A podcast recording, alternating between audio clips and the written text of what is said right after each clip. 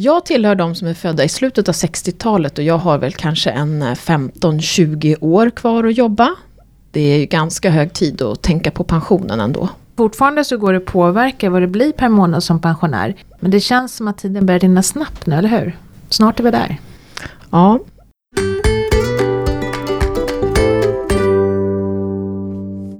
Tre år i rad har Min pension granskat hur pensionen blir i förhållande till slutlönen för olika grupper. I år så fokuserar man på oss, 60-talisterna. Och på blogg.minpension.se finns årets rapport som är framtagen av Kristina Kamp. Vilket underlag ligger till grund för den, Kristina? Ja, vi har ju faktiskt en unik möjlighet på Min pension just att titta på vad folk kan räkna med att få i pension. Inte bara de som så att säga, har gått i pension, utan vad framtidens pensionärer kan räkna med. Eftersom på min pension så sitter vi på alla pensioner, både den allmänna pensionen och tjänstepensionen. Och vi har dessutom väldigt många registrerade användare. Så därför så har vi sedan något år tillbaka tänkt att ja, men det är väl jättebra att vi gör en statistisk beräkning av det här och tittar på vad kan folk få i pension. För två år sedan började vi, då tittade vi på 50-talisterna. För de var ju ganska nära pensionen, de hade så att säga arbetat ihop sina pengar redan och det var inte så många år kvar. Nu har ju en hel del 50-talister faktiskt gått i pension redan. Och då tänkte vi att eh, men den här gången kanske vi skulle titta på 60-talisterna. Just ni som är mitt i livet. Ni har ändå arbetat in ganska mycket pengar. Ni har liksom etablerat er på arbetsmarknaden. Och ni har fortfarande möjlighet att göra någonting åt det om ni skulle tycka att ni verkar ha en låg pension. Så är det bara personer som jag som gjort en prognos på minpension.se som är med i underlaget? Ja, det är det ju. Men som sagt, vi har ju väldigt många användare. Sen kan man naturligtvis säga att vi har naturligtvis inte alla användare och så. Men utifrån de som ändå har registrerat sig så tycker vi att underlaget är ganska stort. Vi har alltså tittat på 240 000 prognoser. Och det är ju statistiskt sett ett ganska bra underlag. Men först måste vi förklara ett ord som vi kommer att använda lite grann nu, som tillhör de lite mer krångliga. Och det är ordet kompensationsgrad. Vad är det? Ja, det är ett krångligt ord, jag håller med. Men det gäller ju att hitta ett bra ord för att kunna jämföra pensioner med varandra. För det är klart att folk har väldigt olika pension. En får liksom 20 000, en annan får 15 000 eller 25 000. Men om man ska sätta det i relation till någonting, är det en bra eller dålig pension? Då kan man titta på, ja men hur var det innan jag gick i pension? Och så jämför man. Hur stor andel är min pension av den lön jag hade innan jag slutade jobba? Och den, det kan man kalla för kompensationsgrad. Till exempel så är om pensionen är hälften av din lön innan du slutar jobba, då är kompensationsgraden 50% Okej, då har vi det där klart. När jag kikar i rapporten så ser jag att medianen för kompensationsgraden, alltså den här skillnaden mellan sista lönen och den första pensionsutbetalningen, har sjunkit med 2 procentenheter sedan 2015. Vad kan det bero på? Mm, vi kan börja med vad vi kom fram till 2015. Och då hade vi alltså en genomsnittlig kompensationsgrad ungefär, så att säga, om man delar alla på mitten. på 61 procentenheter. Det vill säga man fick 61 procent av slutlönen i pension. Typ hade man 30 000 så fick man 18 lite drygt. Och nu har det sjunkit till 59 procent. Och då kan man ju undra, okej, okay, vad kan det bero på? Ja, vi kan ju säga så här att prognoserna gör vi ju liksom, vi ställer dem på samma utbetalningstid. Vi säger att alla ska betalas ut livsvarigt. Och då vet vi ju att ju yngre man är, desto längre förväntas man leva. Så det är väl en anledning. Alltså ju yngre du är, nu har ju fler och fler lite äldre redan gått i pension, de är inte med i underlaget längre. Det har kommit till flera nya. Det är ju roligt just på min pension att vi får fler och fler yngre användare. Men det avspeglar sig säkert också i de här prognoserna. Det som också kan ha hänt är faktiskt att både i den allmänna pensionen och i en del tjänstepensioner har man faktiskt gjort om de här prognosräntorna, det vill säga den förväntade avkastningen på det här pensionskapitalet har sjunkit de här åren. Man har så att säga ställt om skalan lite grann. Och det är klart att det påverkar också kompensationsgraden. Det låter dystert. Kommer vi att klara av att bli pensionärer? Jag blir lite nervös. Eh, fast alla säger ju det här jobbiga att vi måste förmodligen jobba längre än tidigare för att få samma pension. Å andra sidan så lever vi ju längre så att det kanske går på ett ut. Men, men alltså nu har ju även politikerna sagt att vi ska jobba till, eh, ja åtminstone får man inget statligt stöd för man fyller 66 i framtiden. Och det var ju tidigare 65.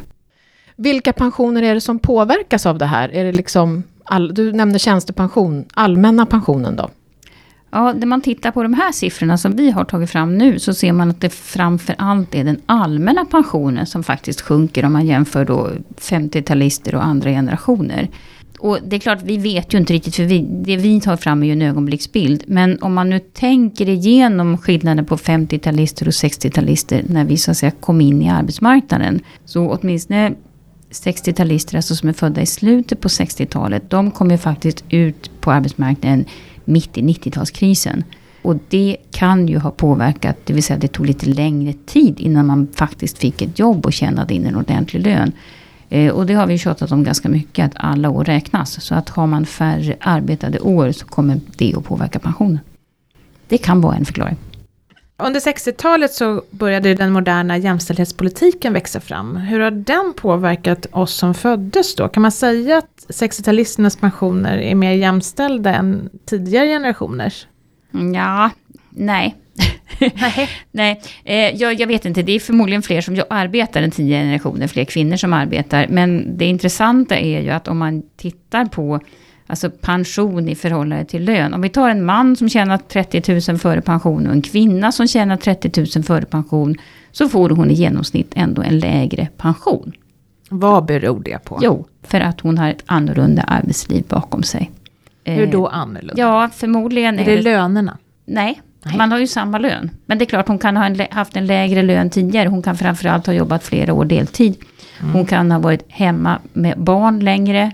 Hon kanske inte har varit lika etablerad på arbetsmarknaden. Hon kan ha fler år, utan tjänstepension. Hon kanske har pluggat längre för att få samma jobb.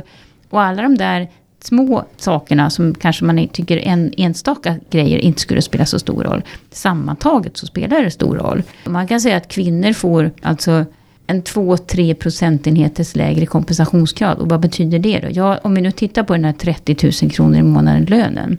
Så är ju så att säga varje procentenhet värd 300 spänn. Och är det då en sänkning med 4 procentenheter, ja då är det ju drygt en tusenlapp lägre pension vi pratar om. Har vi ett pensionssystem som gynnar män? Ja, då kan man fråga sig, har vi ett, ett, ett ojämställt pensionssystem? Det är liksom den här klassiska frågan. Och då måste man nästan vända på frågan, vad är rättvis pension? Och det har vi pratat också om många gånger i den här podden. Men ska pensionen avspegla det man har tjänat in under arbetslivet?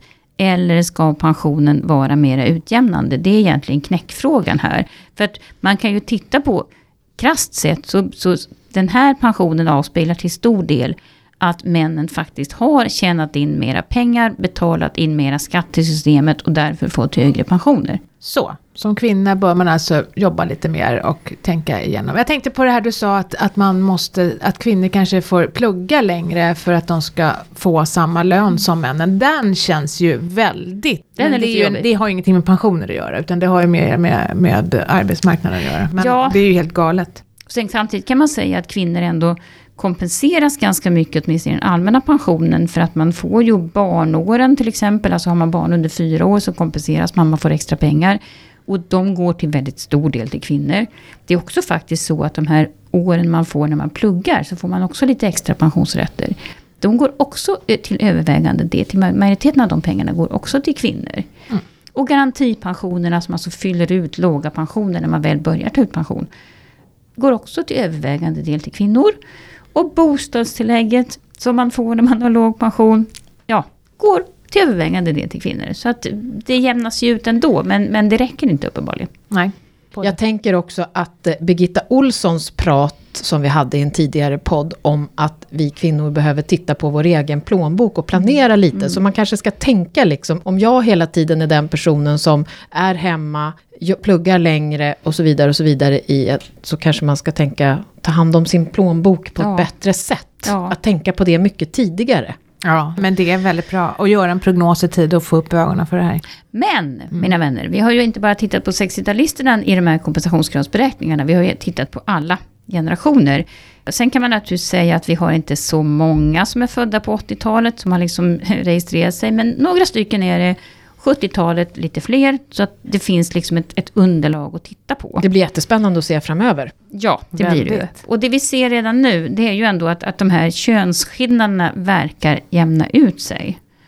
Faktiskt. Eh, nu är det så naturligtvis att om man tittar på 60 och 50-talisterna då är det faktiskt redan, redan intjänade pengar som vi tittar på. Det är liksom mera hard facts. Medan de yngre generationerna så bygger det naturligtvis på prognoser, det vill säga att man fortsätter att ha den lön man har nu. Och det kanske kan hända mycket där. Men ändå, det är en positiv trend så tillvida att pensionerna verkar vara, alltså skillnaden minskar. Möjligen kan man säga att det, det är männen som Stryker på foten. som stryker på foten, ja. Och jag vet inte, det, man ser en tydlig skillnad också på just att 80-talister och 70-talister har generellt sett lägre pensioner. Det kan både bero på det här med att man då förväntas leva längre, men jag tror även att man kanske ska titta lite mer på etableringsåldrarna. Det har vi inte gjort i den här rapporten, men, men det känns lite grann som att det kan vara så att eftersom vi nu kommer in senare i arbetslivet så påverkar det den totala kompensationsgraden för yngre generationer. Får lågavlönade lägst pension då i förhållande till sin slutlön? Eller är det höginkomsttagarna som får det? Vilket, vinnare och förlorare. Ja, vinnare och förlorare ja. i det här kompensationsgradsracet. Ja, det där är ju spännande. Det är ju lätt att tro då att uh, har jag låg lön så får jag jättelåg pension. Men om man nu tittar på kompensationsgraden, det vill säga då vad får jag för pension i förhållande till den lön jag hade när jag jobbade. Så är det faktiskt så att har man ganska låg lön när man slutar så kompenseras man ganska bra. Man får faktiskt en lite högre kompensation kompensationsgrad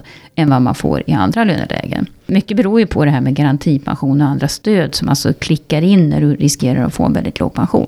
Och det är ju väldigt bra. Samtidigt kan man säga att förlo förlorarna, eh, det är ju faktiskt de som då tjänar lite mer än de där riktigt låga lönerna. För att de får då ingen garantipension.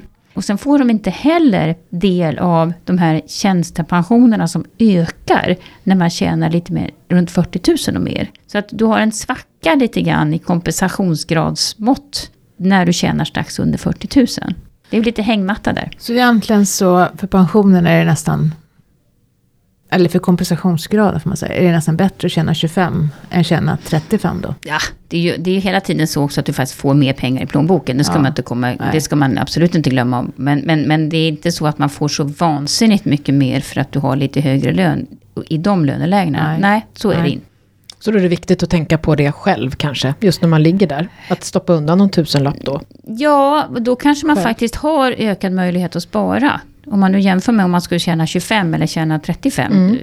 Då har man ju faktiskt sannolikt en ökad möjlighet att spara mera. Och det, då kanske man ska göra en pensionsprognos, se den förväntade pensionen, det tjatar vi om jämt att man ska göra. Eh, och, och se, verkar det inte bli så mycket så kanske man ändå ska tänka igenom det här, speciellt om man har 15 år kvar.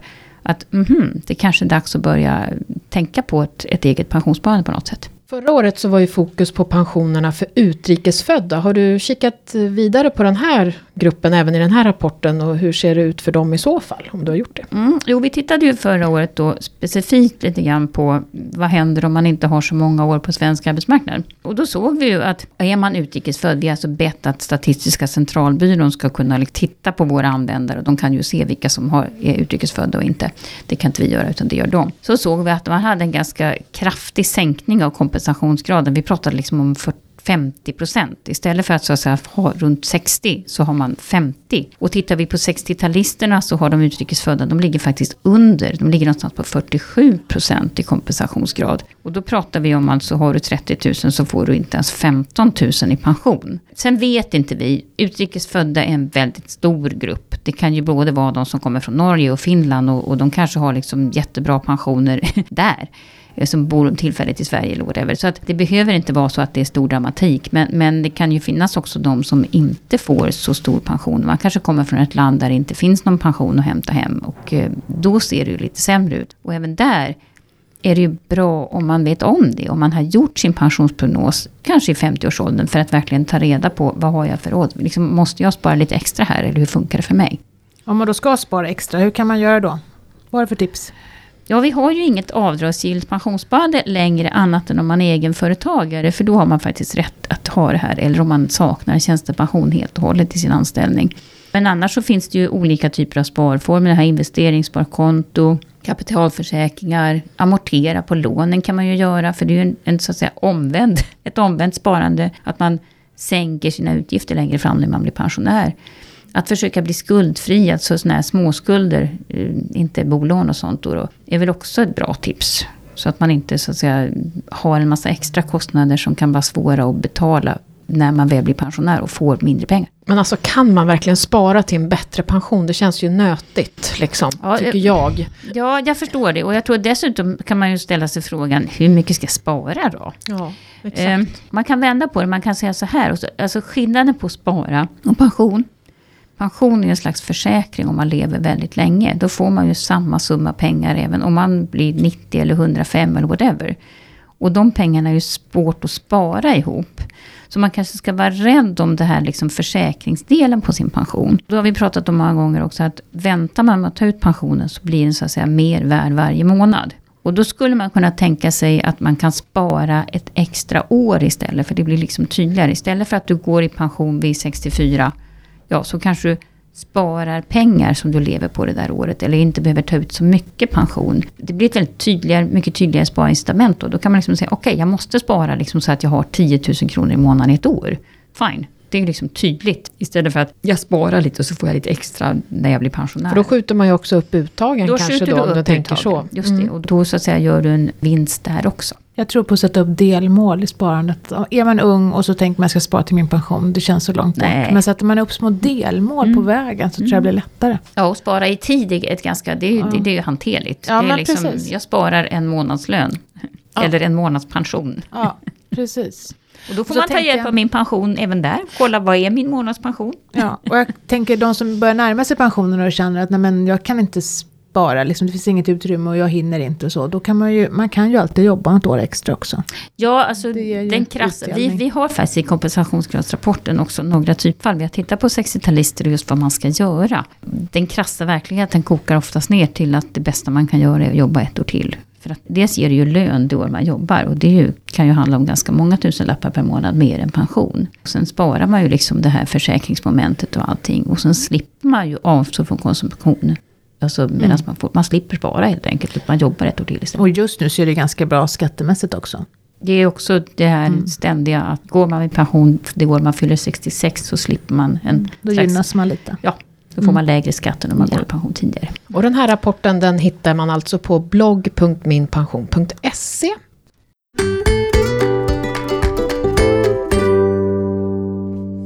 Ja, idag gör vi lite tvärtom då. Idag ställer jag frågan till Ulrika för hon är så himla duktig på IT och kan förklara saker och ting på ett väldigt bra sätt. Så att jag ställer frågan till Ulrika nu. På min pensionsblogg så kan vi nu läsa att våra appar ska försvinna. Vi har haft appar som har, man har kunnat titta på hela sin pension i, som har liksom varit baserade på minpension.se då på, på webben. Varför tar vi bort dem Ulrika? Jo, därför att eh, minpension.se håller på att byta kläder och även lite teknik. Så i september så kommer nya minpension.se och då kommer webben att vara helt responsiv. Och det betyder att webbsidan anpassar sig till det fönster som du öppnar den i. Alltså den kommer anpassa sig till din mobiltelefon, till din padda och till din dator precis där du står och går. Så då tycker inte vi att vi behöver ha några appar längre. Varför stänger vi ner den redan i maj? Det är inte förrän i september som den nya webben kommer. Ja, fast det är motorn på webben som byts ut, alltså det tekniska som byts ut. Och då funkar inte de här apparna och därför kommer de att tas bort. Och då känns det dumt att uppdatera dem för tre månader. Ja, precis. Så att ni får helt enkelt använda våran betaversion av minpension.se under sommaren om ni vill använda Min Pension på era telefoner och paddor. Så i september då är vi up and running och då kan ni använda vilken platta, skärm, device som ni vill. Och så blir vi alldeles lila och fina också. Det ni blir kommer ni. känna igen oss överallt där ni ser oss. Det här är en podd som görs av Min Pension som är en tjänst i samarbete med staten och pensionsbolagen där du kan se hela din pension och göra pensionsprognoser. I dagens program har du hört Kristina Kamp, Maria Eklund från Min Pension och jag Ulrika Loeb. Rapporten som vi har pratat om den hittar ni på blogg.minpension.se. Följ oss gärna på Facebook, Twitter, vi finns på Instagram och även LinkedIn. Tycker du om vår podd så blir vi jätteglada om du ger ett omdöme i iTunes och gillar, delar avsnitt med alla dina vänner. Tack för idag, hej då! Hej då!